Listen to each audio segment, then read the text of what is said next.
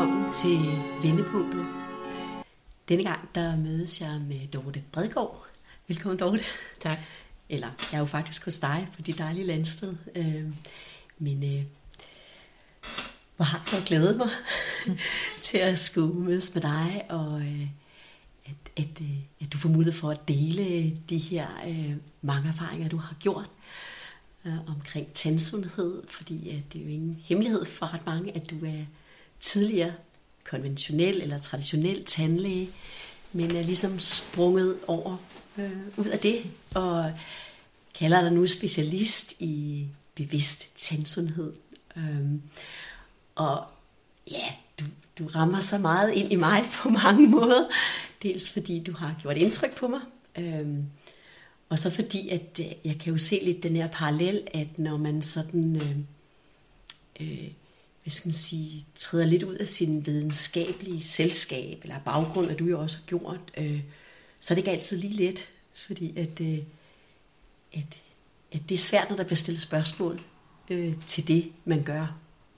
Og det er jo egentlig videnskab for mig, det der at stille spørgsmål. Så jeg ser dig som en stor videnskabskvinde. og jeg kan se, at, øh, at vi er lidt op imod det samme på mange Ja. måder. Ja. Øhm, og så jeg vil sige, at, at, øh, at du jo stiller spørgsmål ved tænderne.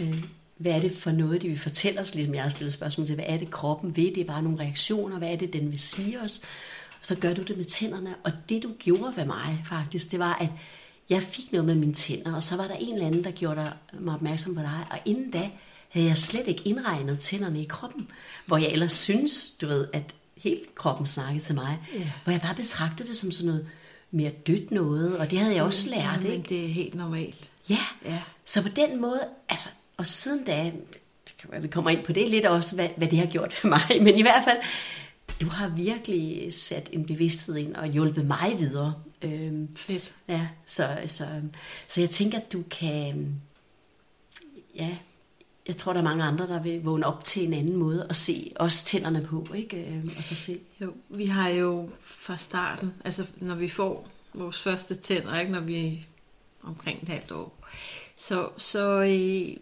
så er det som om, det ikke er vores. Altså det, så, så lærer vi, at de skal børstes, fordi øhm, ellers så går det galt. Så allerede der, så, så er det ligesom om, at vi afgiver ejerskab. Fordi vi tror, at de er ufuldkommende. fuldstændig enig. Og, øh, og, og, og det er de ikke. Altså, det her med at børste tænder, det gør i virkeligheden ikke nogen forskel for sundheden. Og den er jo kæmpe stor, ikke? fordi alle ved jo, at vi skal børste tænder. Altså, øh, når, når man ser sådan en film eller sådan nogle af de der øh, reality-programmer, ikke? Øh, så er lige noget med Sirius, var det Sirius-kvinderne, jeg så i går. Men i hvert fald, så står de jo og børster tænder, fordi det er jo sådan helt normalt, at, det gør vi. Mm. Fordi at vi har fået øh, plantet en angst, at hvis ikke vi gør det, så går det galt med vores tænder. Og i dag der siger jeg, at vores tænder er sunde, og det er vores normal tilstand at have sunde tænder. Og, det, og den er jo virkelig vendt på hovedet, ikke? Jo. Fordi når vi børster, så, så er det fordi vores normal tilstand er usunde tænder, ikke? Mm. Altså vi kæmper for, de sunde. Ja. Så, så, så den er virkelig, det er virkelig en, en hård såkaldt sandhed at være op imod. Så, øh, så, så det tror jeg, det tager nok noget tid. Og jeg, jeg sidder jo ikke i dag og siger, nu skal du lade være at børste tænder.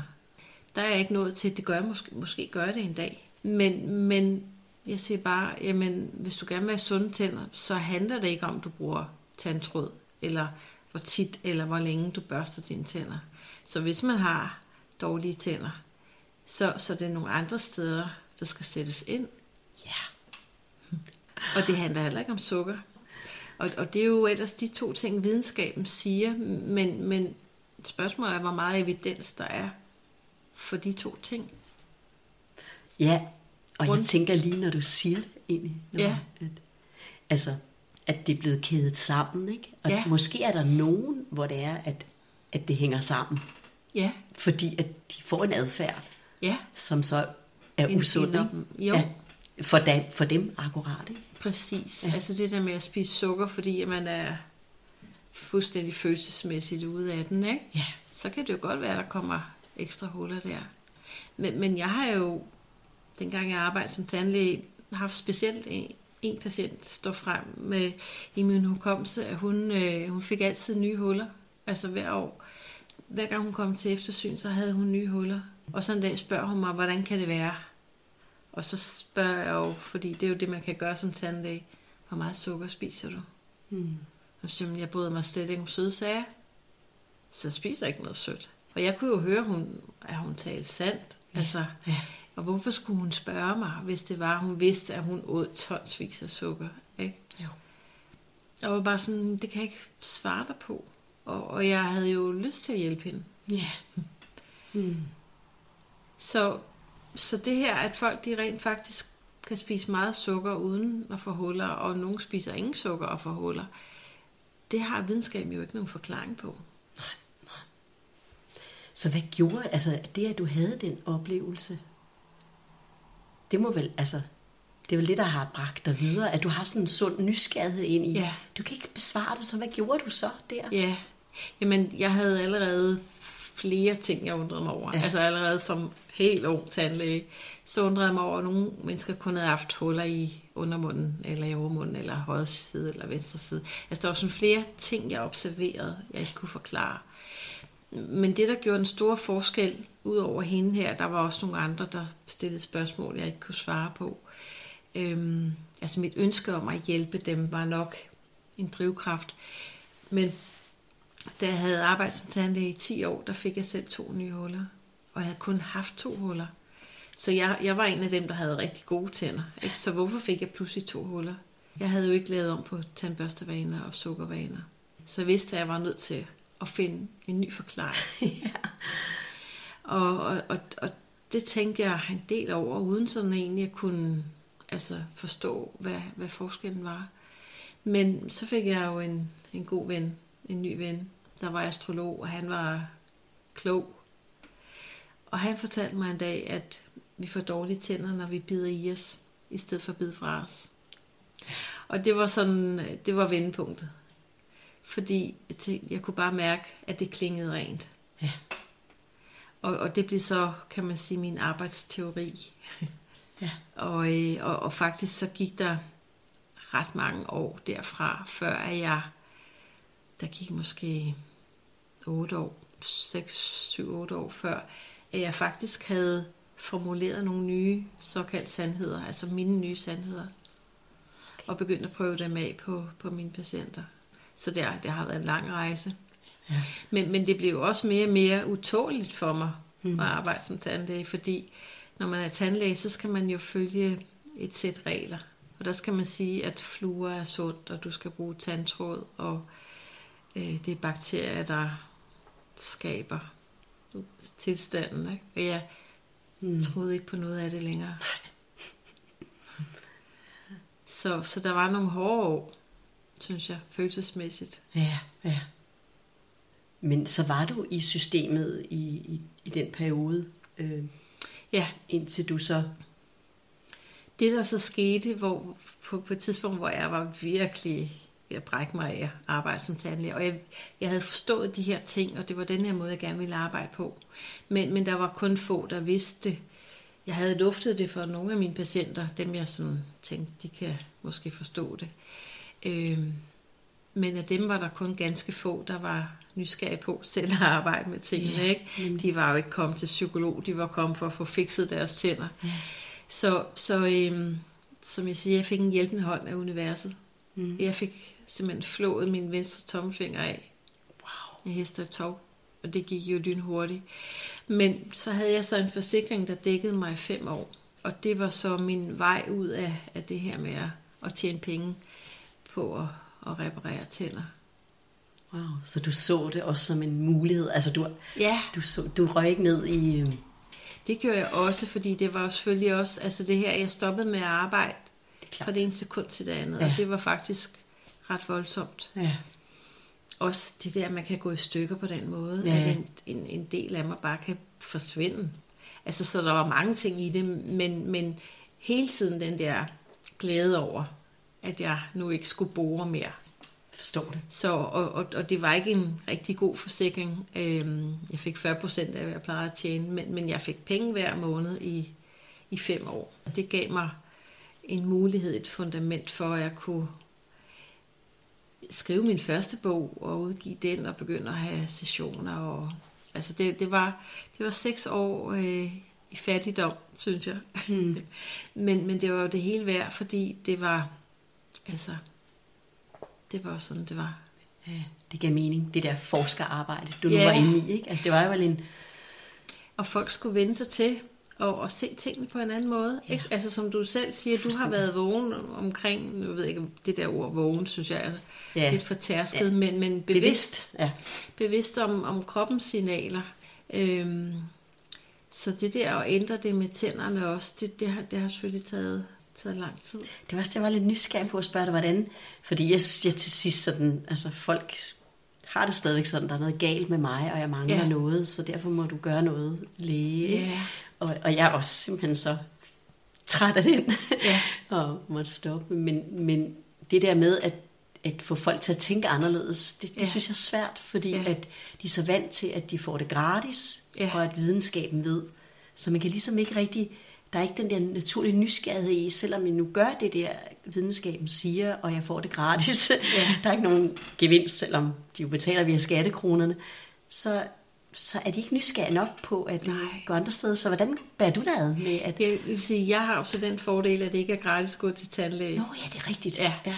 Det er jo faktisk ret dyrt at gå til Ja, tandlæge. det er det faktisk, ja. Øhm, men, men der er samtidig også nogen med små børn, ja. Som, som henvender sig til mig, hvor de jo kan få dem boret gratis. Ja.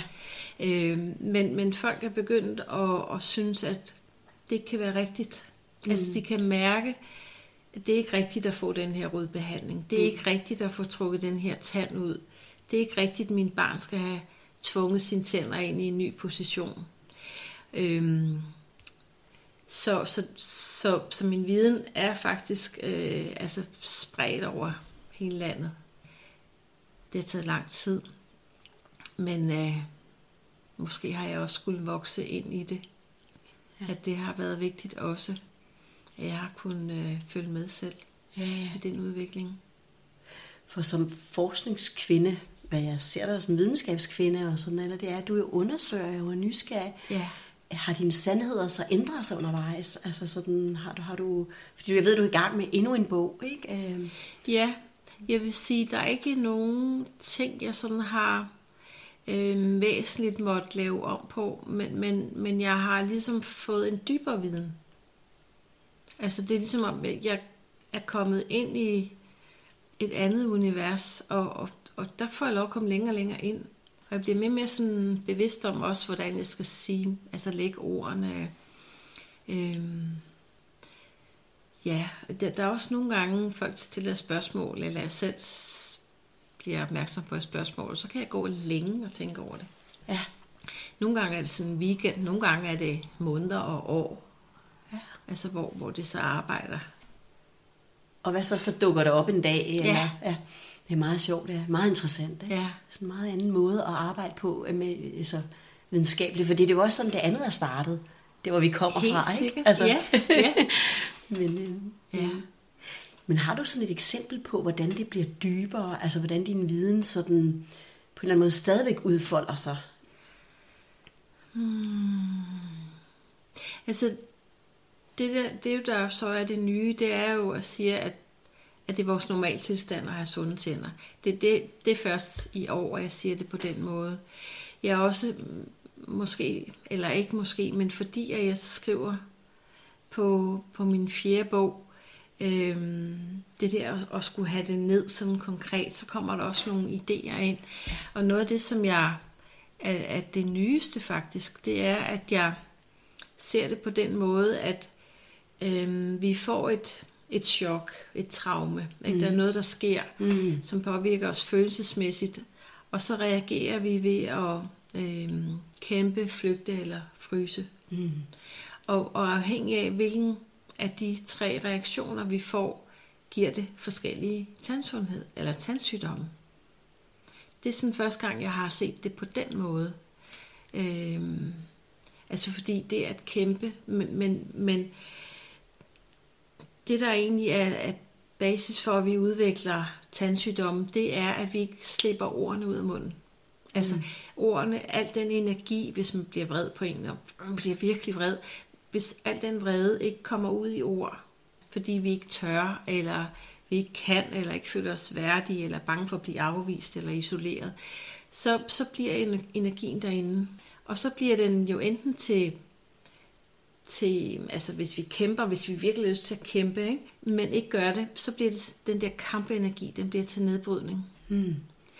Hvis vi øhm, flygter, så, så bliver det en sådan stresstilstand, så bliver det inflammation. Mm-hmm. Det var sådan, jeg tror, det er. Øh, og, og hvis vi fryser, så er det der, vi laver spændinger. Altså, så bliver kæbemuskulaturen helt spændt, fordi så de der ord, de der forbudte ord, der ikke må slippe ud. Så, så når vi har kæbespændinger, så er det faktisk kroppen, der prøver at, at hjælpe os mm. til at holde ordene inde. Altså, jeg kan sagtens se det her også i, i kroppen, og så, så mens du sidder og snakker, så, der jo, så stiller det jo spørgsmål i mig, fordi jeg tænker sådan, kunne ved, hvorfor kroppen nogle gange reagerer med tænderne, og nogle gange reagerer i kroppen, ikke? fordi ja. jeg kan se det samme. Jeg har nu ikke delt det ind i sådan inflammation, og, men jeg kan godt se ideen i det faktisk. Ja. Ikke? Øhm, og så er der så mange faktorer, der spiller ind. Men kunne ved, hvorfor det nogle gange er tænderne, og nogle gange kroppen, Øhm, har du, har du undret over det? Eller sådan, for det er første gang nu, jeg står ja. sådan egentlig og ja. tænker, hvorfor må jamen, altså, jamen, det har jeg øhm, tænkt over på den måde, at folk nogle gange har spurgt mig, jamen, jeg var jo ikke sådan en, som, som sagde min mening som barn. Og det var jeg heller ikke selv. Men, men det var ikke der, problemet var for mig. At, at jeg, det er jo det her med at have nogle ord, der gerne vil ud Ja. Det er jo der energien så er koncentreret. Øhm, nu min mor havde sådan en forestilling om, hvad jeg skulle sige og tænke og mene. For ellers blev hun skamfuld. Og øhm, jeg var bare vældig, vældig tynd, fordi jeg, jeg skulle helst ikke fylde for meget. Jeg havde ikke nogen ord, der gerne ville ud. Så, så derfor fik jeg ikke de her tandproblemer. Øhm, og så andre steder i kroppen, altså hele kroppen repræsenterer jo forskellige dele af livet, ikke? Uden at jeg ved så forfærdeligt meget om det, fordi at jeg har beskæftiget mig med tænderne nærmest hele mit liv, så det er jo, det er jo der, jeg har min viden. Men, men jeg tror, at altså nu organerne, det er jo der, det er jo der, det siger jeg jo, fordi sådan er det logisk for mig, at følelserne, de sidder placeret rundt om organerne. Så hvis et organ, hvis, hvis vi har rigtig mange følelser på et et bestemt organ, så bliver det enten overstimuleret eller forhindret i at arbejde. Øhm, og, og så er det, at vi kan få noget sygdom her i, i organerne. Ikke? Men, men hvis det er knæene, eller skulderen, eller albuen, eller, altså, så, så repræsenterer det nogle, nogle andre, jeg ved ikke, man kalder det, funktioner. Jeg kan godt, jeg kan godt øh, sådan genkende til det. Altså, jeg tror, det er sådan mere, at kroppen snakker, men jeg bliver sådan lidt forundret hver gang, fordi jeg kan ikke sådan sige, at den snakker på samme måde. Altså hvis leveren, leveren snakker hos en, eller reagerer på noget, så kunne jeg godt hente min sådan nye tillærte viden om, at det er nok fordi, at, øh, eller galleblæren vil jeg sige, ikke? det er nok ja. fordi, at, øh, at det har noget med vrede og frustration, men den er der jo i mange sammenhænge. Altså har jeg oplevet også, øh, øh, at der er rigtig meget vrede forbundet med at blive alvorligt syg. Øh, eller ja. enten ja. var det der før, eller så er det en kombination af, at det var der før, af nogle ukendte grunde, og det så bliver forværret i, at man så også bliver syg, så bliver man, altså så på en eller anden måde, jeg kan ikke lige putte det, det samme sprog ind på, men, men, men jeg ved, at den reagerer, og så har jeg alligevel sådan mit eget indre sprog, som gør, at jeg kan spørge til det, sådan, er der noget, du går, hvad jeg nu kunne putte på det, skumler over, eller ja. øh, irriterer sig over, eller sådan, jeg nærmer dem, mig dem med deres sprog, så de ikke går i forsvar med det samme. Ja.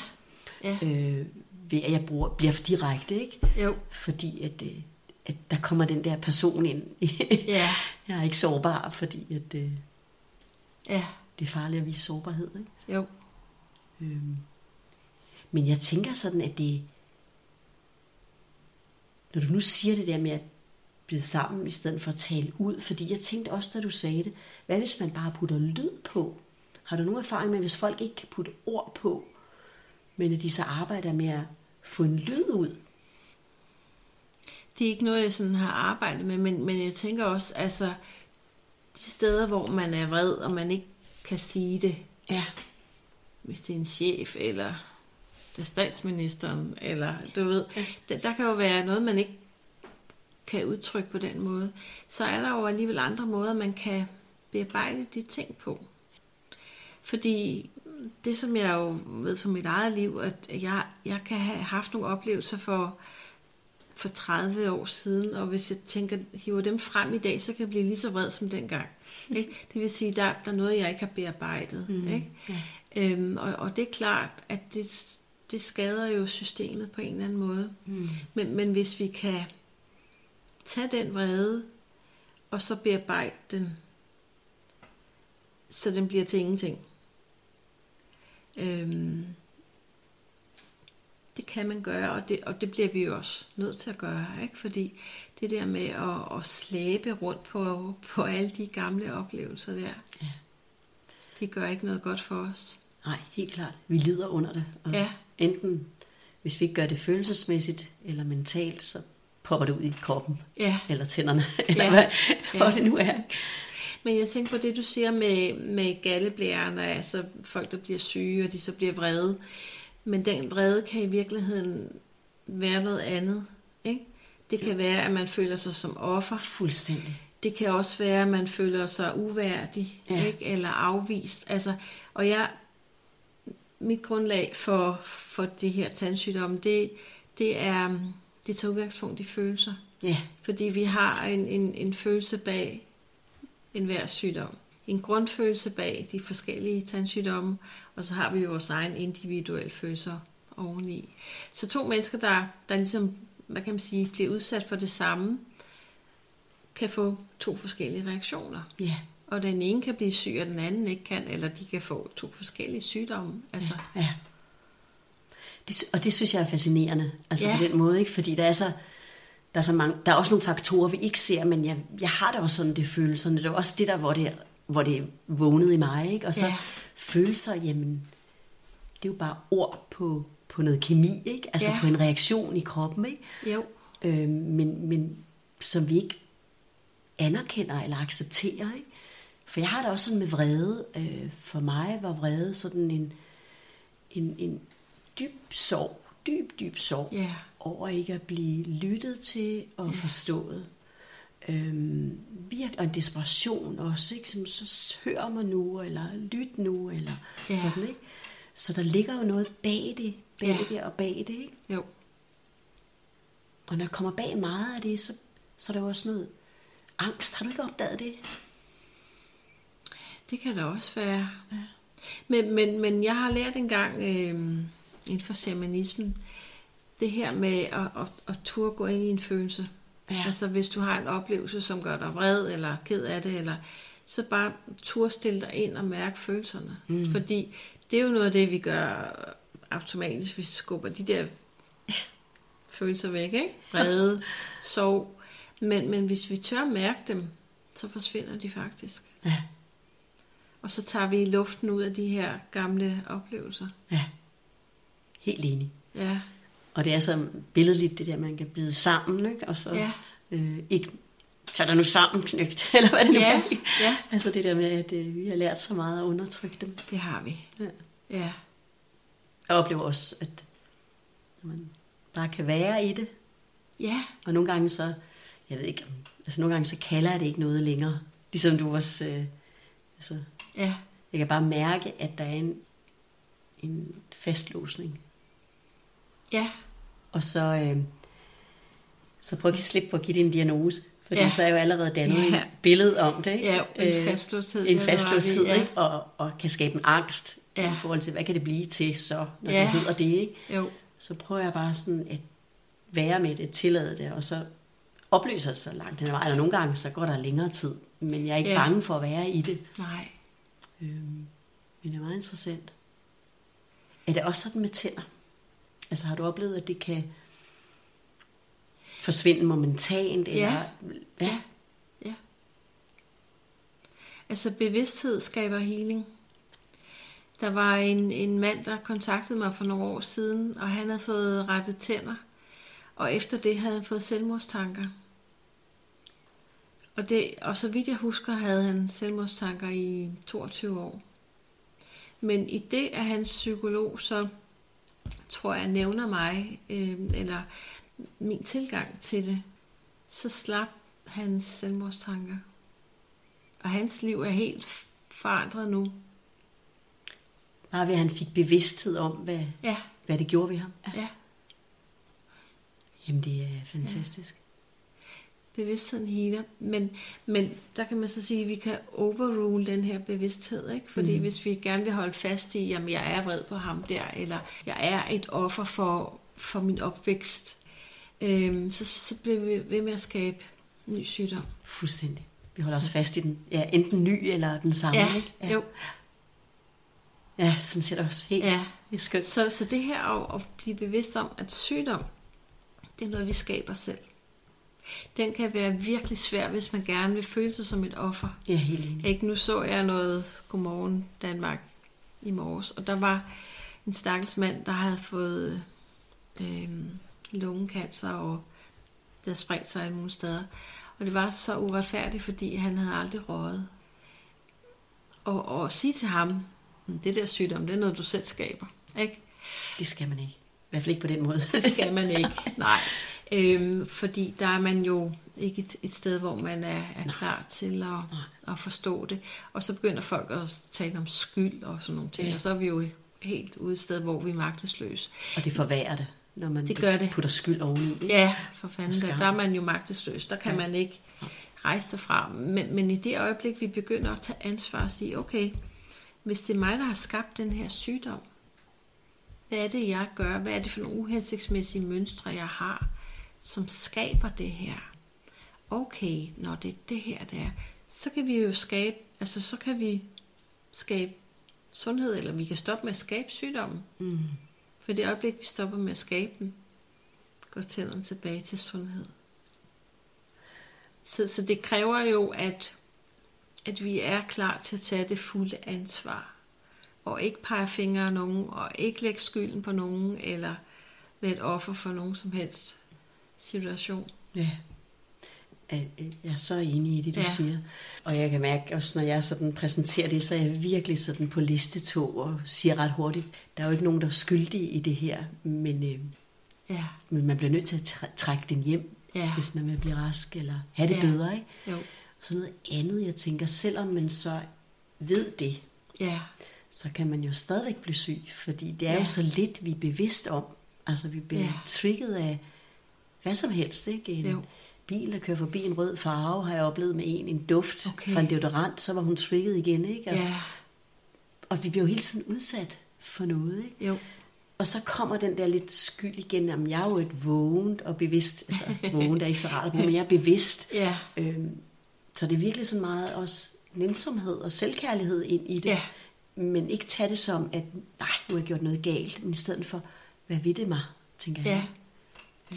Jeg, jeg har faktisk en, en, øh, en interessant oplevelse med, altså, øh, min veninde, som fik, fik cancer for, for en del år siden, og fik faktisk en, en dødsdom, og faktisk fået, fået det tre gange. Øh, og på det tidspunkt, der var vi veninder, men, men, men hun var ikke sådan øh, blevet bevidst spirituelt, så jeg har helt klart øh, været en hjælp for hende til at, at, at brede, brede det ud. Og hun, øh, hun nåede til til det punkt, hvor hun fik den tredje dødsdom, og hvor lægen sagde, vi kan ikke gøre mere for dig nu. Så kom hun til punkt, hvor hun siger, hvis ikke de kan, så er jeg nødt til selv at tage over herfra. og hun er så stadig i live her, og, og jo altså, har fået en nærdødsoplevelse, uden, uden at være ved at dø fysisk, men, men sådan spontan.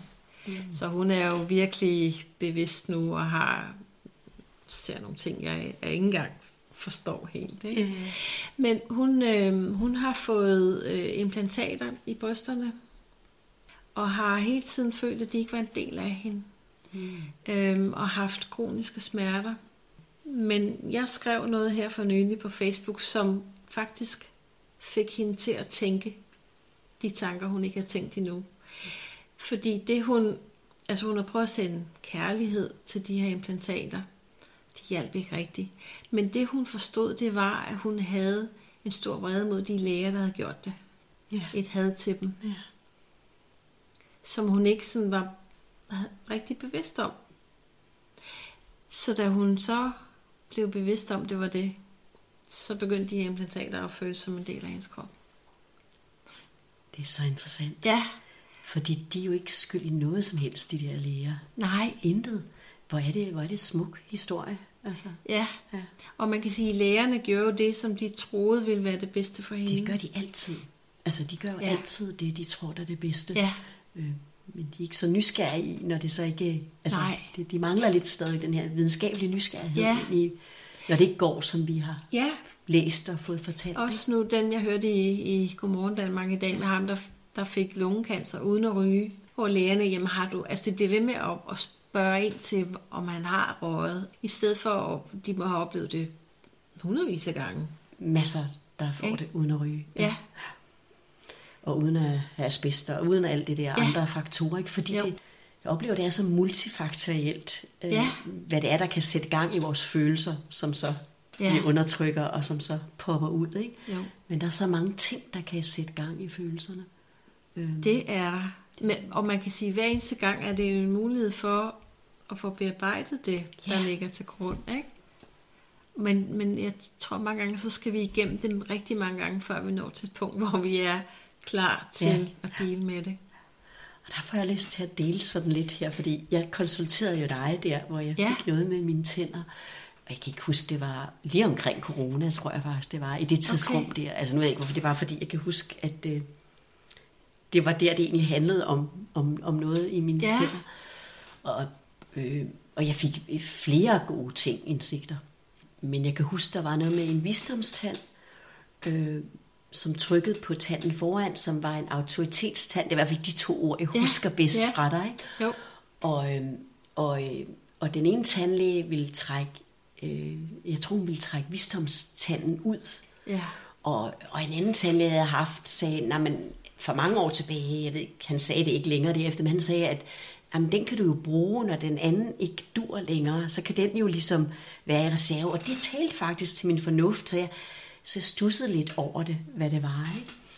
Og, øhm, og der var et eller andet mig, der følte, nej, det er ikke rigtigt, den visdomstand skal ud. Den er jo sund. Altså, den fejler jo ikke noget, men den anden, den er der både boret og plumpet, og alle mine tænder er boret og plumpet, stort set. Altså, virkelig Ja, ja. været igennem. Jeg må holde meget tilbage. Ja. Og det ved jeg, jeg har. Øhm, og så øhm, fik jeg så snakket med dig, og jeg fik den her forståelse for autoriteter og, og visdom. Altså, det kan i hvert fald den mening i mig, at jeg på det tidspunkt var i, jeg var i opposition til det, der skete under corona, og, Ja. og var op imod autoriteter, og sagde min øh, autorisation, altså du ved alt, jeg slagde ja. min autorisation, og samtidig kunne jeg mærke, at det arbejdede i de tænder. Og det kan jeg så nu, i kraft af, at du har hjulpet mig med at få bevidsthed på det. Jeg kan mærke nogle gange, når jeg sidder der, og der er noget, der rører sig i mig, så er det ligesom om, der er noget, der bevæger sig ind i mine tænder. Altså det er som om, okay. de flytter rundt på sig selv, og jeg kan Spændende. mærke, at afstanden mellem de to tænder flytter sig. Så når afstanden er lidt større, så er der en, øh, altså, så har jeg, lider jeg ikke under det længere. Fedt. Det er meget vildt. Ja, Så det har virkelig været en gave for Ja. mig at få det. Øhm, det er syn på det. ja, Øhm, fedt. Og også med bøjle, jeg har haft på. Den her tilpasning, som du Ja. beskriver. Ikke? Jo. Og hvordan det så nu arbejder. Ikke? Ja. Ja. Og hvordan det er et billede på, hvordan jeg har tilpasset mig og bidt sammen og Ja. alt muligt. Din- Altså har dine tænder flyttet sig fysisk, efter du har fået bevidstheden? Øhm, altså ja, jeg synes også, jeg kan se, at, at de har flyttet sig. Jeg føler stadigvæk, de arbejder. Fedt. Det er virkelig sådan, jeg kan ja. mærke, at okay, når den banker på den der autoritet, visdomskamp, Ja. øh, så, øh, så bliver jeg ligesom bevidst om det. Jeg er både sådan lidt opmærksom på, hvordan er det med sidder der noget i klemme deroppe. Ja. Øhm, så jeg bruger jo også den viden, at der kan sidde en, en, en madrest, ikke? Ja. Øh, men samtidig så er jeg også tænker, okay, hvad, hvad har du i spil? Ja. Hvad er du i kamp med Ja. inde i mig? Hvad er det, jeg ikke kan acceptere? Ja. Øhm, skal jeg læne mig mere tilbage? Og, sådan, ikke? Jo. og så kan jeg mærke, at det rumsterer. Jeg kan mærke, at så pludselig kan jeg ikke forstå dagen efter, så ryger den der tandpind ind og ud. Altså der er nærmest Ja. et større mellemrum. Ikke? Jo. Og jeg har ikke fået trukket Det er dem. godt. Ja. Ja. Så jeg føler, at det tilhører mig, Ja. så længe det ikke skader mig. Altså du ved, man kan Ja. vel også gå derhen, at det ved jeg ikke. Tænker du ikke, at tanden skal trækkes ud, fordi man kan blive nødt til det? Der kan komme et tidspunkt, hvor tanden skal ud, fordi, og, og, og det er faktisk lidt interessant, det er fordi tænder binder på minder. Og nogle gange er der bare nogle minder, som skal forsvinde, Ja. fordi det gør dit liv lettere. Så, så, så på det tidspunkt giver det mening at trække tanden ud. Ja. Men, men jeg ser ikke, tænder sådan kan skade dig. Det er sådan jo noget, man snakker meget om som tandlæge. Hvis ikke du får den der rod behandlet, så kan du få, skal bakterierne gå i blodbanen, og de kan angribe hjerteklapperne eller hjernen, og så kan du dø. Ikke? Det, er, det er jo sådan en skræmmehistorie, der er, som, øh, som jeg ikke tror på. Altså, Det, tror, det tror jeg ikke på. nej, et faktum er jo, at nogen kan få noget betændelse på hjerteklapperne, Det er faktum, ja. Og også øh, hjernen, men Og faktum er også, at de kan også finde bakterier i relation til det, ikke? jo, Ja.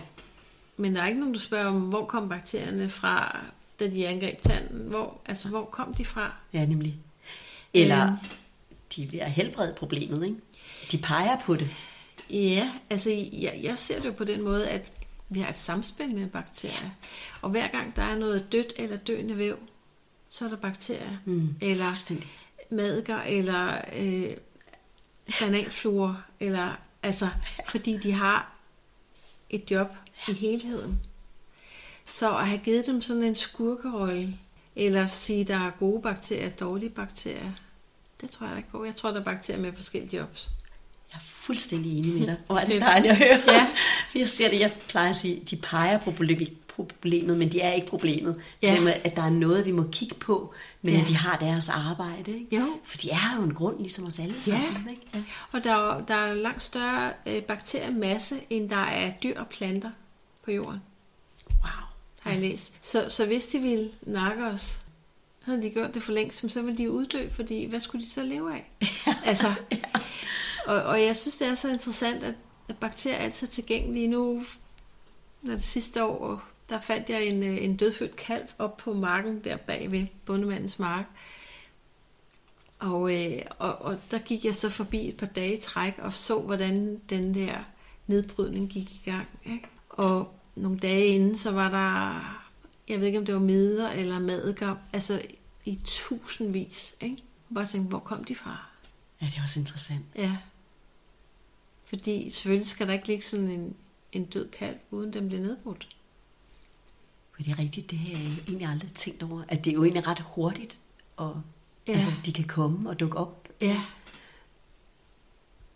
Jamen, men de dukker jo op, altså lige så snart der er noget dødt væv, så, så, så er der bakterier, eller, Ja. altså, Det er ligesom bliver kaldet til jobbet, eller Ja. kaldet med det samme. Ja. Og når man så tænker, hvad det har ført med sig af alt det her forebyggende antibiotika, Ja. ikke? eller bare antibiotika noget, der Ja. går i sig selv, ikke? Jo. af skade for miljøet. Ikke? Jo. Øhm, Eller det tror jeg i hvert fald, det har. Det tror jeg også. Øh, ja, Resistens og ja. mere nye antibiotika, ikke? og ny Altså resistens. faktisk så har jeg jo selv en oplevelse, fordi dengang jeg fik revet en finger af, Ja, min tommelfinger, der havde jeg min hånd. Altså i starten var sådan, fuck mand, der gider slet ikke beskæftige mig med, mm. At de bare skære det hele af. Ikke? Øhm, og da den så blev pakket ud af forbindingen, så, øhm, så kunne vi se, at der var en, en øh, infektion med multiresistente stafylokokker. Og det var sådan set mit held, ikke? fordi så kunne de ikke bare blive slået ihjel. Så jeg var ansvarlig for den her infektion. Og den blev der. Altså jeg kan ikke huske, det var ugevis. Indtil det øjeblik, jeg satte mig ned og tænkte, nu bliver jeg nødt til at sørge over, at en del af mig er blevet revet af. Så jeg skrev faktisk et afskedsbrev til min gamle hånd, og- der tudede jeg. Det var første tidspunkt, jeg havde tudet på. Wow. Og så bød jeg min nye hånd velkommen, fordi der er jo fire gode fingre, og der er faktisk også en lille stump, og jeg fungerer jo på mange måder super godt med den hånd. Ikke? Så, så da jeg gik fra at have min hånd til at elske den, da jeg havde den, der var den døende. Jeg havde lukket livsenergien ned. Det giver så god mening. Ja, så der var bakterierne der, men, men, men det sekund, jeg åbnede for livsenergien igen, så var de der ikke. Ja. Og hvor havde jeg fået de her bakterier fra? Altså, øh, Statens Serum Institut gik meget op i, hvor jeg havde fået dem fra, hvor jeg havde været. Ja. Fordi det var sådan nogle, der hørte til en svinstald. Mm. Det havde jeg ikke været, men jeg har været på et hospital. Det er helt vildt. Ja, Hvor er det fantastisk, de finder vej til dig. Jamen, jeg, det, og det er sådan en historie, jeg fortæller til mange, fordi Ja. Den giver så meget godt indblik i, hvad, hvad det er for et samspil, vi har med Ja. bakterier. De, de var der jo ikke for at skade mig, vel? Nej, nemlig. Det er så smukt. Altså, Ja. det er så smukt. Jeg Ja. bliver så glad over at høre det. Og jeg elsker også det der, du siger, at, øh, at det der med, at vi skal elske det, der er. Ja, Og at, øh, og at vi er født, jeg siger, at vi er født raske. Du siger, at vi er født raske, men vi er født raske og hele. Og Ja. det er det øjeblik, hvor vi føler, at vi mangler noget, eller er forkerte, Ja. at, eller mister noget, eller ja, misundelig på noget. Altså, ja. så begynder vi at lide, ikke? Jo, Og bide sammen. Og, Ja. Men det er jo en del af livet også, altså fordi vi, har, vi er jo på en rejse. ja. Men da du kunne sige det der, øh, altså der var du, havde du ikke engang skrevet din bog endnu, vel? Da du sagde, at jeg blev nødt til at kigge på min sorg og elske min... Øh. Nej, altså man kan sige, jo, jo, jeg var faktisk, jeg havde jo skrevet på en bog, i, altså min første bog, den var syv år undervejs, ikke? Øh, uden at jeg så skrev dagligt, men jeg skrev lidt ind imellem. Øh, men, men da jeg så jo stoppede med at arbejde som tandlæge, fordi det her skete med min hånd, så gik jeg så i gang med aktivt at få, få lavet bogen. Øh, og det var jo også en proces, det ved du selv, ikke? Det der at udgive en bog, det er den første bog, det er virkelig grænseoverskridende, ikke? Det var det i hvert fald for mig. Så, så øhm, men jeg tror også, at der står i min første bog, at den her oplevelse med hånden også er med. Det tror jeg, den er. For det var i hvert fald Ja. derefter, at jeg udgav. mm. Men, øh, men har du forsøgt sådan at få, øh, få hvad hedder det, Dansk Ornitologisk Selskab, eller hvad det hedder? Odontologisk. Ja, odontologisk. Ja, Jeg tror, det andet det er jo noget med fugle. ja det er rigtigt. Dem kan vi også Ja. tage med, men... Ja. Nej, det har jeg ikke. Altså fordi, øhm, jeg kender jo hele tankegangen derinde, og, og jeg har faktisk også været nødt til at frasige mig min autorisation. Fordi Sundhedsstyrelsen, de pludselig fik øje på mig, og så ville de jo gerne lige se, hvad det var, jeg lavede. Ja. Og så, øh, så ville de gerne se seks journaler. Og, og, og det var sådan, det var det, de så kunne slå ned på, at så kunne det da i hvert fald se, hvor mange fejl jeg lavede i mine journaler. Ja. Jeg havde jo ikke skrevet journaler til tandlæger. Nej, nemlig. Så de, de overholdt ikke de standarder, og så troede de mere at tage min autorisation nu, når jeg var så elendig til at skrive journal. Ikke? Ja. Og så ville de undersøge mig et halvt år senere, og så ville de jo tage den. Altså jeg tænkte, de, de gider jo ikke engang vente på. Nu jeg sige, de kan da bare få den nu. Så, altså, så jeg, jeg må ikke kalde mig tandlæge, og det har jeg faktisk heller ikke noget behov for. Men de kan jo ikke sige altså noget imod, at jeg siger, at jeg tidligere har arbejdet som tandlæge, hvor jeg har arbejdet 25 år som tandlæge. Det kan de jo ikke tage fra mig. Jeg må jo bare ikke sige, at jeg er tandlæge Nej. nu. Jeg må heller ikke eje en tandlægeklinik, og det kommer jeg heller ikke til at skulle. Det, det kan jeg sagtens sætte mig ind i. Ja. Ja. Jeg fik at vide, at jeg måtte ikke skrive, at jeg var tidligere praktiserende læge. Måtte du ikke skrive det? Nej. Øhm, Er det rigtigt? ja. Altså, de holdt meget øje med mig, hvad jeg Kan de virkelig tage det fra dig, Mm. at du tidligere. Men så kunne jeg skrive, at jeg havde fraskrevet mig min autorisation, og jeg kunne skrive, at jeg var tidligere læge, ikke? og det Ja. var jo ligegyldigt for mig. Så Ja. skrev jeg bare det på det tidspunkt. Ikke? Ja. Så, Men, øh, men det, det, jeg tænker sådan, bagefter i lang tid var jeg meget vred over det der. De bare søgte en måde at slagte mig på. øh, Sådan Ja. oplevede jeg det, ikke? Ja. Men jeg kan jo også godt se, at de, de går jo i forsvar. Ja. Altså, ikke? Fordi Jo. at, øh, at de er måske bange. De ved ikke, hvad vi laver. Øh, øh, og tænk, hvis de så skal lægge navn til det ved at øh, give os autorisation, og så måske blive hængt ud på ekstrabladet, hvis der nu er en eller anden, der hænger os ud, eller hvad det Ja. nu kan være. Så jeg kan godt Ja. se, at de har noget, noget, noget, noget bekymring ind i det. Ikke? De føler, at de skal stå til ansvar, men i virkeligheden så går alle læger jo, og tandlæger også ind og lukker døren og laver lige nøjagtigt, hvad de vil. Ja, ikke? jo. Det glemmer man bare, men hvis man bare har Ja. skrevet det rigtige i journalen, ja. Ja. der er jo ligefrem standardjournaler, Ja. så man får... Ja, det ligger får, inde i Det tager bare en systemet. masse tid, men, eller Ja. så tager det ingen tid. Ja. Ja. Men det er meget, jeg, jeg tror, de også er presset. At, øh, Der er jo også noget i det her med at have en autorisation. Der følger Ja. ja. nogle regler med. Ja, Og det er uanset om man er autoriseret læge, eller tandlæge, eller hvad hedder sådan noget, kloakmester, eller hvad man nu er autoriseret ja. ud i, elektriker. Ikke? ja, det er rigtigt. Øhm, der følger bare et sæt regler med. Og det, øhm, Og så kan man spille med eller lade være. Ja. ja. det, det giver en større frihed at stå udenfor. Ja. Ja.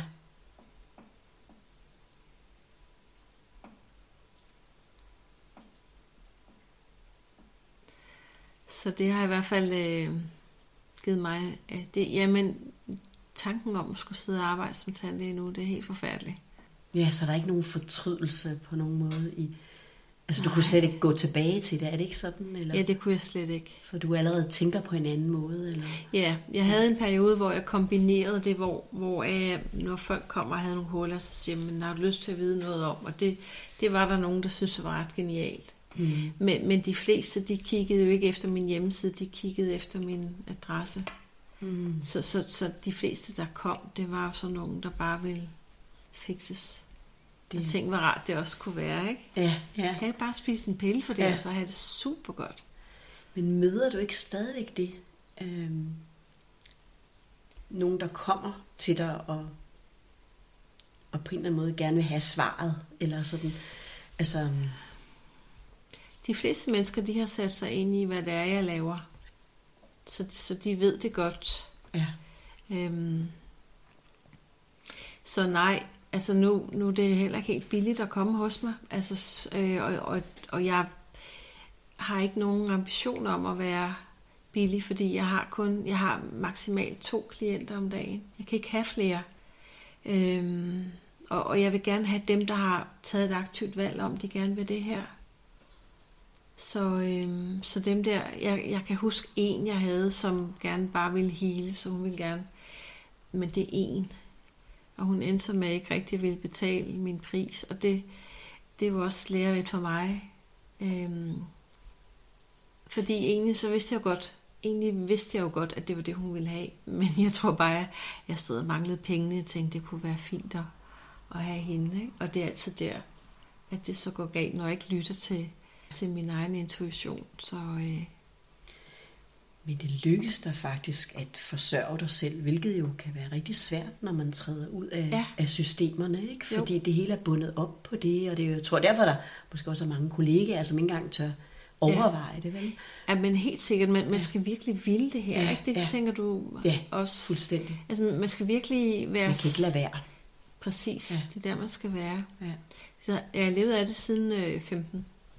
ja, Ja. det er jo fint. Ikke levet godt, men det er hele tiden øh, bedre og bedre, ikke? Ja. Ja. Og jeg tænker også det der, når du siger to patienter, og og det kan jeg godt forstå, Ja. hvorfor du ikke Ja. kan. Men altså, når jeg tænker på, som tandlæge, hvor mange var det, du tog om Ja, dagen der? men der, jeg, jeg kan huske en dag, hvor jeg havde 30, og der var virkelig også bare knald på, ikke? Fuldstændig, ja. Og stadigvæk havde du det der nærvær, fordi du var din nysgerrige Ja, menneske. ikke? jo. Altså, Og der var jeg også smadret. Men jeg tror måske, jeg havde 10 om dagen. De kom i hvert fald altså på samlebånd, ikke? Øhm, man kører op i sådan en højt gear, og jeg, i dag forstår jeg, jeg forstår vidderligt ikke, hvordan jeg kunne det. Nej, det er interessant. Altså, også øh, det her med at have folk nærmest liggende op ad mit bryst, ikke? inde i min in, intimsfære. Ikke? Og, og egentlig er jeg et dybt privat menneske. Altså, så hvordan kunne jeg overhovedet holde det ud? Og, og, og det tempo der. Øhm, men, men, men i dag arbejder jeg jo øh, på en helt anden måde. Altså det, det er ligesom om, når jeg har en session, og de foregår alle sammen over, over Zoom, øh, så træder jeg ind i et rum, hvor, øh, hvor jeg har adgang til, til en anden viden. Mm. Altså helt klart en, en intuition. Øh, så jeg kan fortælle folk nogle ting om dem selv, eller om deres børn, som, som jeg jo ikke har nogen mulighed for at vide. Men, men der sker også det der, at når jeg så forlader det rum, så, så kan jeg jo nærmest ikke huske folk bagefter. Jeg kan se dem nogle måneder senere og tænke, hende der har jeg da aldrig set før. Men, øhm, og, og, og måske er det så også, fordi jeg har haft alle de patienter, at jeg kan ikke huske, jeg kan ikke huske noget mere fra stationerne, vel? Kun hvis der er sådan en eller anden øh, indsigt, jeg har fået. Så, så, så, så jeg træder ligesom ind i det der rum, og, og bruger mig selv også. Ja. Det giver så god mening, at du tilsidesætter dig selv på en eller anden måde. Ja, men jeg gad selvfølgelig godt, at jeg kunne huske folk, ikke også? Jo. Altså, fordi nogle, de, de sådan skriver til mig, nej, og den der, jeg sad ondt i den der tand, og jeg aner ikke, hvad de snakker om, vel? Nej. Men, men jeg tror også, at, at altså, dengang jeg arbejdede som tandlæge, der, der prøvede jeg virkelig at huske folk og rumme folk, og skrev lidt små øh, noter med, at de havde været på ferie der og der, eller havde fået et barn, eller, altså du ved, sådan så, at jeg, jeg kunne være nærværende omkring mm. dem, og jeg tror simpelthen også, at det har udtrættet min hjerne, ikke? Det tænker jeg også, at fordi jeg kan genkende det så meget i Ja. mit arbejde. Ikke? Når du nu havde 30 eller 10, eller bare, var der nogen af dem, du tænker, eller hvor mange af dem, tænker du, overhovedet skulle have været der, så du havde tid til at tage dig af dem, der virkelig havde brug for dig? Eller det kan godt være, du ikke kan se med de øjne i Ja, dag. sådan, har jeg, sådan tænkte jeg ikke på det dengang. Nej, det er jeg med på. Og, og faktisk øh, vil jeg også mm, med skam sige, at jeg blev fanget ind i grådigheden. Altså, så jeg har, jeg har faktisk renset tænder på mange mennesker, hvor Mhm. det ikke var nødvendigt. Wow, ja. Og, Ja. og vidste du det dengang? Ja. Tænkte du det dengang? Ja. Altså, det var ligesom bare standard. Når de kom til eftersyn, så fik de også en tandrensning. Uden Øhm, at tænke over, at de ikke behøvede det, eller hvor du tænkte, Ja, jeg ved ikke, Det var hvor meget pakken. jeg tænkte. Altså, jeg vidste jo godt, at, det, at de ikke havde tandsten. Eller, altså, og, og egentlig så har jeg det okay med, at det var sådan, det var, fordi det gør også, at jeg forstår også, hvad der følger med arbejdet som tandlæge. Altså, Mm. du kan jo sige hvad som helst. Du kan sige, du har 10 huller. Det er der ingen, der ved. Det har jeg aldrig gjort. Altså, jeg har aldrig Nej. lavet huller, hvor der ikke var. Min grådighed bestod i selvfølgelig at lave tandrensning, hvor det ikke var nødvendigt. Men, men også sådan den der med, hvis folk havde en meget stor fyldning, eller stor så sige, der skulle en krone på. Og så kunne mærke, at hvis de sagde ja til kronen, så tjener jeg flere penge. Den kan jeg, jeg kan sagtens mærke den, og øhm, menneskeligheden, den forsvinder bare lidt ja. i det her. Og jeg er jo ikke den værste. Altså, jeg har arbejdet sammen med en, der var psykopat, og mm. han kunne han kunne virkelig tjene mange penge. Men tror du ikke, altså det er bare sådan, jeg tænker, tror du ikke, de også har tænkt det her med, at det er forebyggende? Eller tror du ikke, nogen har tænkt, at det bliver vi nødt til at gøre, for ellers sker der det og det og det, de så har læst i bøgerne? Altså, at tandlægerne tænker det. Ja, at de har tænkt, eller at tænker det, dem der gør det i dag, renser tænder, hvor det måske ikke er Ja. nødvendigt. Jeg Eller- tror, mange tandlæger ikke beskæftiger sig med det mere, fordi nu er det tandplejerne, der overtager det. Ikke? Det Ja. tror jeg, det er sådan... Jeg er jo ikke sådan Så helt sat. opdateret. Nej, det er på. Øh, og jeg ved ikke, om, om tandplejerne, om de er fastlønnet eller... Nej. Øhm, men, men, men jeg tror godt, der kan være en, en, en forståelse for, at det kan være nødvendigt forebyggende. Det ved, det ved jeg faktisk ikke. Nej, nej. Men det er sådan bare det, jeg har hørt fortalt. Jeg kender jo ikke så meget til tænder, må man Nej. sige. Ja, Men i hvert fald, det var bare sådan lidt for at prøve at forstå os, hvorfor at, øh, at, at det fortsætter, ikke? Det her, altså, ja, øhm, der er noget overlevelse i det, fordi det er svært at, at være selvstændig i Danmark, ikke? Jo. Vi er alle sammen betalt af det. Mere eller mindre betalt. Man får i hvert fald noget støtte fra det offentlige. Som Ja. læge får man jo fast honorar, ja, udenom, selvom patienterne ikke kommer. ja. Så får man jo fast honorar. Ja. Øhm, og men... Det gør I måske ikke, men I får lidt tilskud. Eller... Så der er et eller andet tryghed i at følge reglerne. Og så det Så får man ikke stillet spørgsmål ved det, vel? Jamen, der er jo også noget med, at tandlæger godt kan måske lige at prale lidt med, hvor meget de omsætter, ikke? Eller altså, omsætning har i hvert fald en, en stor betydning. Der er også kurser, hvor man lærer at tjene flere penge, og hvordan man skal lægge ordene for, at folk de bliver bange nok til at, at købe en dyr løsning, ikke? Oj. Jeg så faktisk, den kommer jeg bare lige til at tænke på, jeg så, var det Elisabeth Tornik, der havde et program med netop nogen, der var til tandlægen. Øhm, og der var en, en, en ung mand, tror jeg, som ikke havde været længe, og der var meget galt med hans tænder. Og så hører jeg, at tandlægen siger, øhm, du kan vælge mellem de her to ting. Du kan vælge den billige, eller du kan vælge den rigtige. Man siger ikke den billige og den dyre, men den billige og den rigtige. Og det er jo ren manipulation. Ja, det er det jo. Det er jo skidesmart, fordi at patienten valgte jo så den rigtige. Altså, men, men det er jo sådan den der måde, vi kan lægge vores ord på. Ikke? Og, og når, når de fleste ved så lidt om deres tænder, så, så er de nødt til at stole på, at det er en tandlæge, der vil dem det bedste. Og det kan man ikke, fordi en tandlæge har også en, en biks, der skal køre. Den skal jo helst køre, så man har råd til den store bil, eller det store hus, eller... Så der kommer den her ind, fordi man... Ja, Jeg kan i hvert fald huske som læge, at så har jeg i hvert fald fortjent, at, øh, okay. at altså ikke når jeg nu arbejder Ja. så hårdt, så er jeg også fortjent at, Ja, at få en, en god løn, eller give mig selv noget godt, eller sådan. Ikke at jeg gjorde det særlig meget. Jeg havde ikke som regel aldrig tid til at leve, men, men jeg kan godt rigtigt. se den der Ja. i det, ikke? Ja. At øh, der kommer den der, at når jeg knokler, så, ja, øh, og når jeg nu læser så mange ord, er der også hørt sagt, øh, ja. så er jeg, er jeg mere fortjent til en højere løn end andre, ikke? Andre Jo. erhverv. Ja, Det er en- det er en sjov tanke. Øhm, fordi man er jo egentlig blevet forsørget i alle de år, man har læst, og har forhåbentlig Ja. det, Ja. medmindre man har gjort det. For, altså, det er jo ja. forfærdeligt, hvis man ikke har kunne lide det. ikke? jo. Jo, hvis det kun er styret af, af lønnen. Ja. Men, men, men det er jo sådan en måde, vi har som samfund har accepteret, at dem, der virkelig tjener penge på andres ulykke, det er dem, der skal tjene mest. Altså læger, tandlæger, advokater. Hvor alle dem, der tager sig af børn, øh, skolelærer, pædagoger og mm. sygeplejersker, ja. Ja. klinikassistenter, er jo også ret lavt lønnet.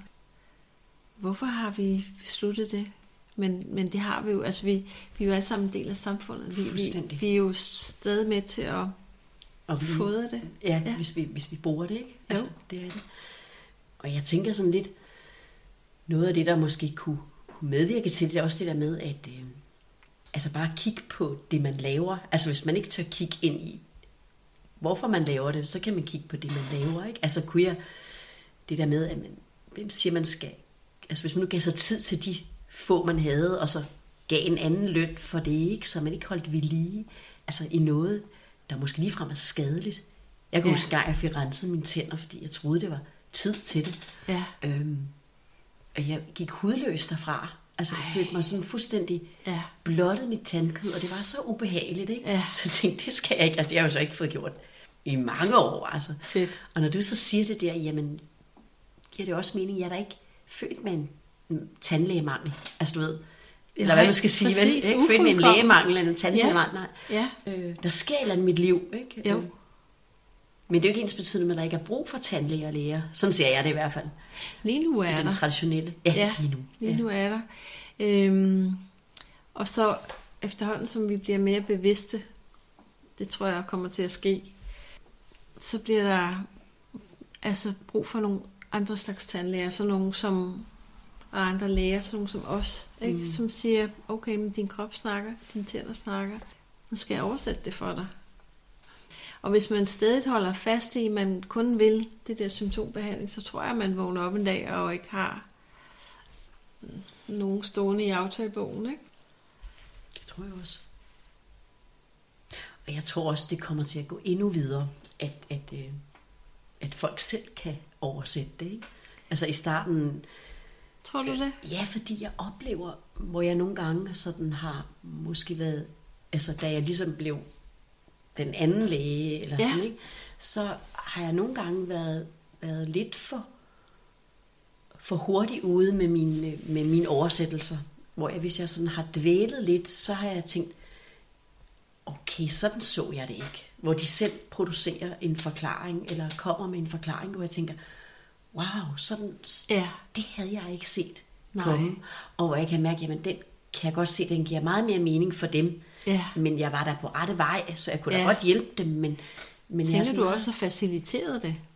Ja, Fordi Ja, det har jeg. Det ja, jeg sige, ja. Så det jeg oplever også, det er, at der er nogen, der, øhm, der skriver, øhm, at de egentlig er bevidste, og de er vant til at arbejde med sig selv, men de kan ikke lige få skoven under det her. Og, og jeg ser det egentlig lidt sådan, at vi har brug for hinanden. Der skal ligesom være sådan øhm, et flow, et kredsløb, ikke? Fordi hvis vi alle sammen bare er fuldstændig selvforsynende med det hele, så, så har vi ikke brug for hinanden. det giver dig helt ret i. Altså, jeg bruger jo også stadigvæk andre Ja, øh, i en eller anden Ja. forstand. Ikke? jo. Øh, så det tror jeg Det også får måske bare en anden karakter. fuldstændig. Ikke? Mere sådan en udveksling, en dialog, en, en Fuldstændig. at få at vide, nu skal du høre sådan her. Ikke? Ja, lige nøjagtigt. Lige Ja. ja. nøjagtigt. Og, og der tror jeg sådan ude i fremtiden, der tror jeg, altså det, det virkelig føles sådan i mig, at, øh, at der er vi ikke længere nogen, der skal gøre noget ved nogen. Altså der er ikke Ja. nogen øh, autoriteter eller terapeuter, der skal gøre noget ved nogen. Nej. Øh, men, men at vi ved at være ærlige og autentisk og til at snakke om, når man sådan har jeg også reageret engang, Nå, ja. så er jeg ikke forkert, så Ja. er det bare en reaktion, og så healer kroppen, Ja. fordi den slapper af, og Præcis. okay, det er bare, det ved den jo godt, ikke? Jo. Altså, og vi gør ikke noget andet, end at vi er øh, meget øh, ærlige, og, Ja, men vi er jo stadigvæk afhængige af hinanden for at kunne gøre det, altså Ja. på den måde, ikke? Vi, Jo. eller brug for hinanden, ikke? ja, Så, ja, det er men, virkelig men smukt. på det tidspunkt, så behøver vi ikke at, at, at knokle for at få penge, vel? Altså, så får Nej. vi dem på en anden måde, eller ved Ja. at lave noget andet, der måske giver mere mening, Ja. end at skulle ja, ændre hvis- på noget, der ikke skal ændres på. Ja, ja, Hvad det nu kan være. jo. Hvis penge stadig er i omløb. Ja, hvis det overhovedet eksisterer. Ja, Ja, det er en vild snak. Jeg er ikke regnet med, at vi skulle derud også. nej, men det er jo det, der er så spændende, at bare lade, ja. lade det flyde. ja. Så og virkeligheden også det her med at fikse andre, ikke? Altså noget af det, som nu ser man jo huller, den traditionelle måde, det er, du har spist noget, der er sukkerholdigt, så sidder der noget tilbage på tand, så kommer bakterierne, og så omsætter de det her sukkerprodukt og skaber syre som bivirkning. Ikke? Og det, det er det, man, man anser for at være årsagen til, til huller. Øhm, men, men sådan som jeg har forstået det i dag, det er, at huller kommer indenfra. Altså at sygdom kommer indenfra, det vil sige, vi skaber den selv. Så i stedet for, at tænderne bliver udhulet udefra, så bliver de det indenfra. Det vil sige, at vi selv ligesom hiver de der byggesten ud af tænderne indenfra. Og, og så er der jo ikke nogen, der kan komme udefra og fikse det, eller du kan ikke få en tandpasta, der kan fikse det, vel? eller noget fluer, du smører på, der fikser det. Og det er jo også essentielt at vide, at det kommer indenfra. Ja, det er så sandt. Og, og kan det, jeg tænker, nu tænker jeg, fordi jeg tænker jo nogle gange sådan lidt krøllet, var der en, der sagde engang. Kunne det også være sådan, at øh, men i sit følelsesliv, altså fordi der er, jeg mener også, det kommer indenfra, altså helt klart, det er der, det opstår, ikke? Ja, Øhm, men der sker noget i ens følelsesliv, øh, eller en eller anden situation, man ikke kan håndtere, man kommer i kamp, flugtstivnen, eller hvad det nu er, og, eller trækker sig sammen, og så, øh, og så popper det ud i den der tand, øh, eller et eller andet sted i kroppen der, ikke? Og så, og så påkalder det bakterierne, som så begynder at rydde op, og så laver et hul. Altså, kunne det også være den vej rundt, som fordi de under deres oprydning altså, laver hullet? den måde, som huller kommer på, altså det kan man så se på et røntgenbillede, hvis du har sådan et hul, der sidder inde imellem to tænder, ikke? Ja. sidder på den side der, øhm, så kan man se, at i emaljen, der er en meget, et meget lille hul, altså meget lille øhm, mineraltab. Men inde i tandbenet, der bliver det jo kæmpestort. Og, og jeg tænker bare, selvom emaljen er hårdere end tandbenet, hvis det regulært var en syrepåvirkning, hvordan kan man så skabe et meget større hul i dybden end på overfladen? Det, det kan jeg Nej. simpelthen ikke finde nogen forståelse for. Hvor er det dejligt. Jeg kan virkelig mærke, at du har gået ind i det. Ja. ja. det er næsten så det står skåret ud i næren. Så tænker du, at det skader mere, altså at putte noget og gøre noget ved det? Ja. Eller det kan jeg nok ikke rigtig sige både ja eller nej til, fordi et faktum er jo faktisk, at ofte når der bliver repareret et hul, så stopper det med at udvikle sig. Mm. Og, og bare fordi du har puttet en prop i, så er det jo ikke nødvendigvis, at du også har klaret det følelsesmæssige, vel? Nej. Øhm, så det har jeg jo også tænkt en del over. Øhm, og der er faktisk noget, som jeg først har, har, øh, har lært noget om for fem år siden, eller sådan noget. At der er et... Altså, der er selvfølgelig øhm, arterievener, der går ind i tanden. Altså ind i, i rodkanalen, der kommer arterievener, det vil sige, at tænderne bliver næret med ilt og næringsstoffer. Men der er også et andet system, og det er, så jeg læste en artikel om, øh, der er nogle forskere, der har taget nogle, nogle rotter i et laboratorium, og så har de injiceret fluorescerende væske i deres buhule. Og efter 6 minutter, så kunne de se den der fluorescerende væske i rotternes tænder.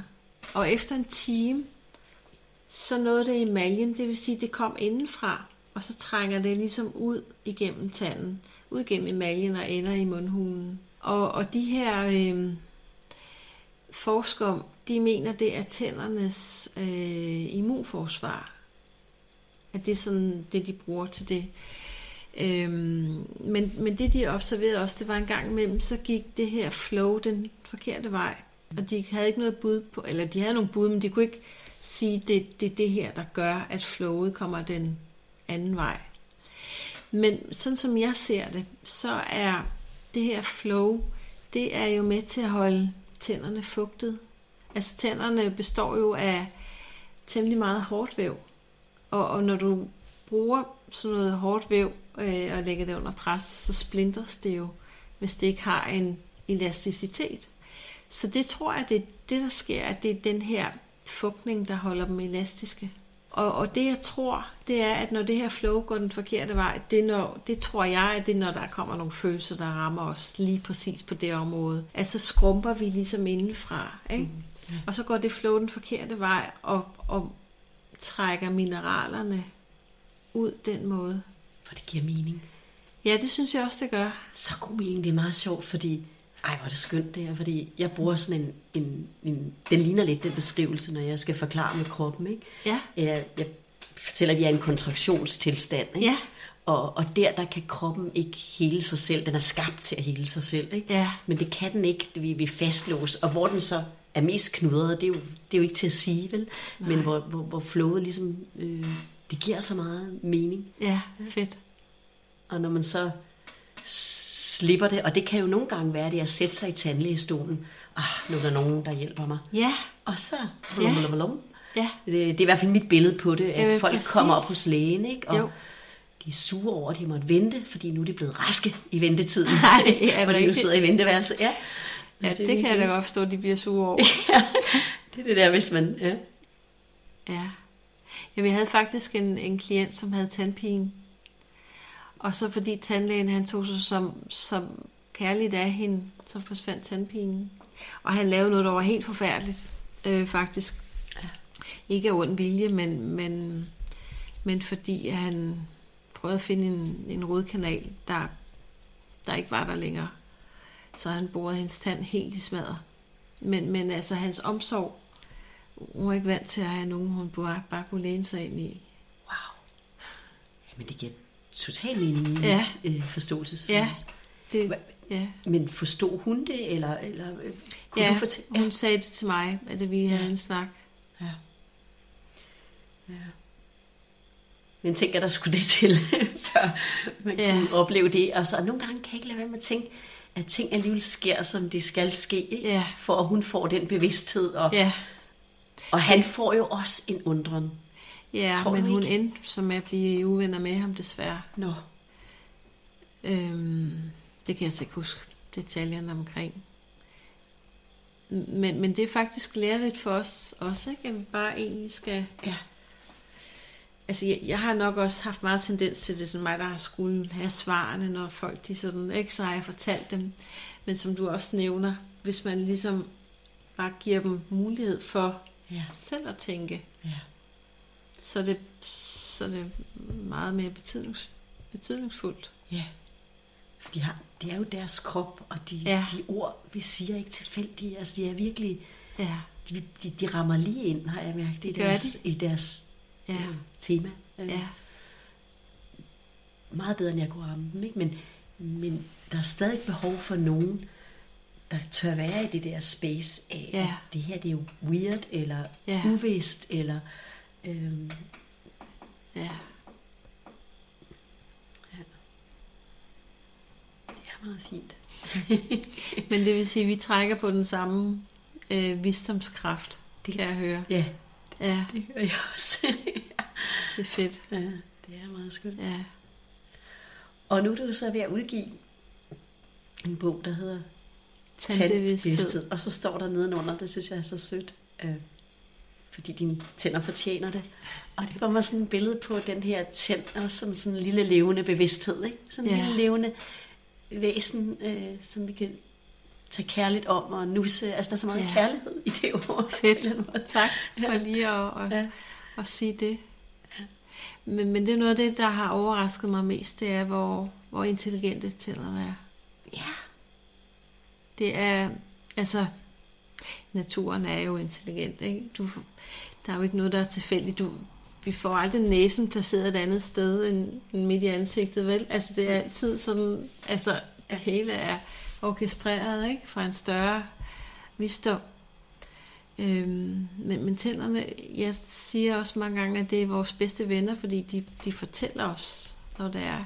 Hvis for eksempel, øh, hvis, hvis man bliver bevidst om, at man hjælper for meget, man siger ja til for meget, øhm, men så glemmer det igen, fordi at automatpiloten siger ja, så kan en, den tand, altså seksårstænderne i overmunden, det er sådan dem, hvor vi hjælper for vores nære relationer, så, så kan den begynde at gøre ondt, eller øh, der kan noget, der kan kine sig fast, ikke? Madrester, eller hvis den er død, fordi man har overhjulpet for meget, overbrugt energien, så kan der komme en lille betændelse, en lille fistel, der kommer lidt betændelse ud, ikke? Og så kan man sige, nå ja, nu fik jeg vist også sagt ja til noget, jeg egentlig ikke kan overkomme, eller ikke har lyst til. Mm. Og det er, jo, det er jo meget let, for man har jo adgang til det hele. Det er, Ja. Det er et meget lille område, hvor. Ja. hvor kroppen jo er større. Ikke? Eller, Jo. men samtidig, lige da du snakkede om det, fik jeg også et billede på det her holografiske energivæsen, vi er. Ja. Fordi man har adgang til det hele Ja, igennem munden. Ikke? jo, Men også, altså, zoneterapeuterne har det igennem ja, tæerne, ikke? og Jo. akupunktørerne igennem øret, altså når de laver øreakupunktur, ikke? Jo. Men, at, øh, men man kan læse helheden fra et hvert hjørne i et hologram. Ikke? Ja. Altså, jo. mm, men man skal ligesom have fået øjnene op for det. Ja, man skal lære Ja. sproget at kende, ja, kan man sige. ja. Ja. Så, så, så hvis man gerne vil være dus med sine tænder, så skal man altså lære dem at kende, ikke? Lære noget basis Ja. øh, viden, men også lægge mærke til alle symptomer. Mm. Altså for det er den måde, tænderne snakker på, det er ved at give symptomer. Og det kan være smerte, men, men smerte er faktisk ikke den hyppigste, det hyppigste symptom. Det, det er faktisk det der med madrester, der kiler sig ind mellem to tænder. Eller lidt blødning, eller tænderne kan også flytte sig, og, og det kan de gøre sådan i balance eller i ubalance. Mm. Altså i balance, det er når du, som du siger, du bliver mere dig selv, mere tro mod dig selv. Men, men en tand kan også flytte sig for ligesom at påkalde sig opmærksomhed. Og når man så har løst ubalancen, så flytter den sig tilbage. Mm. Eller den kan blive for høj, eller den kan blive skarp, eller... Det er vildt, som de snakker. Ja. Ja. Det er, altså, det er overraskende. Det overraskede mig. Jeg har beskæftiget mig med tænder det meste af mit liv, ikke? Men alligevel så var der nogle ting, som jeg altså først har forstået her. jeg er 63 år, ikke også? Så det er jo det har taget mange år at egentlig forstå så meget. Ja, det er med på. Og så er du beskæftiget med det intenst ikke, i de sidste Ja, 10 år. Men jeg tænker også sådan, det er jo meget enkelt budskab, du så siger, bare at være ops på dem. Og når man så tænker på, hvor meget tid vi bruger på børsten måske, ikke? jo, Øhm, hvis vi bare brugte et minut, eller to, eller fem Ja. på, øhm, på at, øh, hvordan er det, er der noget, der kalder? Ja. og så forstå det. Det, det er jo Nå, så ja. det næste, ikke? Ja. Jeg har jo lavet sådan en oversigt over, hvilke livsområder tænderne relaterer til. Ja. Og den, den, kan man, øh, den kan man downloade gratis. Okay. Jeg har den inde på min hjemmeside, dortebredgaard.dk. Øhm, så bliver man vist givet om til et link, ikke? Hvor, øhm, så det kan man downloade gratis. Ja. Men det er da super godt, fordi bare det at få den smule, Ja. vækker jo ens nysgerrighed på det, fordi man vil opdage, hvis man går ind i det, ikke? Jo. at man kan gå dybere ind i det, ikke? og ja. åbne nogle lag. Øhm, Og for nogle er det nok, hvis når ja, det handler om det der, når ja, så Ja. ved jeg godt. Og, og andre har så brug for, for, for mere hjælp til det, ikke? ja, ja, ja. Ja. Er det, man tænker på, hvor bevidst den der lille tand er, ikke? Fordi at det, som, som du også sagde, altså den, den vil noget, og den kan noget, og, og den vil så gerne snakke også. ikke? Ja. Den vil simpelthen det bedste. Ja, det er meget sødt, for det Ja. bliver så levende, og så, altså vi bliver meget mere levende. Ja. Ja. At det ikke er noget, øh, Ja, når der er grimt, eller forkert, Ja, eller mangelfuldt, eller ja, øh, skævt, eller skørt. Eller... præcis Ja. skævt. Jeg har Ja. skæve tænder. Nej, lad være at sige det, Ja. fordi det er jo sådan en, en negativ Ja. bedømmelse. ja, det er der. Og dem er der jo mange af, også ved kroppen. Ikke? Yes. Altså, Ja, jeg elsker, når folk har såkaldt skæve tænder, Ja. ikke? fordi det fortæller meget mere om, Ja. hvem de er. åh, oh, godt. Ja, men, Ja, nej, jeg tror egentlig bare, at jeg havde sådan lyst til at sige det her med, at tænderne er intelligente. Det, det var egentlig nok mest det, jeg lige havde, Ja. havde tænkt her. Kunne være godt at få med. Ja. Men så er det måske der, vi sådan Ja, skal slutte. Tusind tak, Dorte. ja Ej, tak har det fordi du godt. spurgte. Og- Det var en fornøjelse. Ja, det har det virkelig også været her.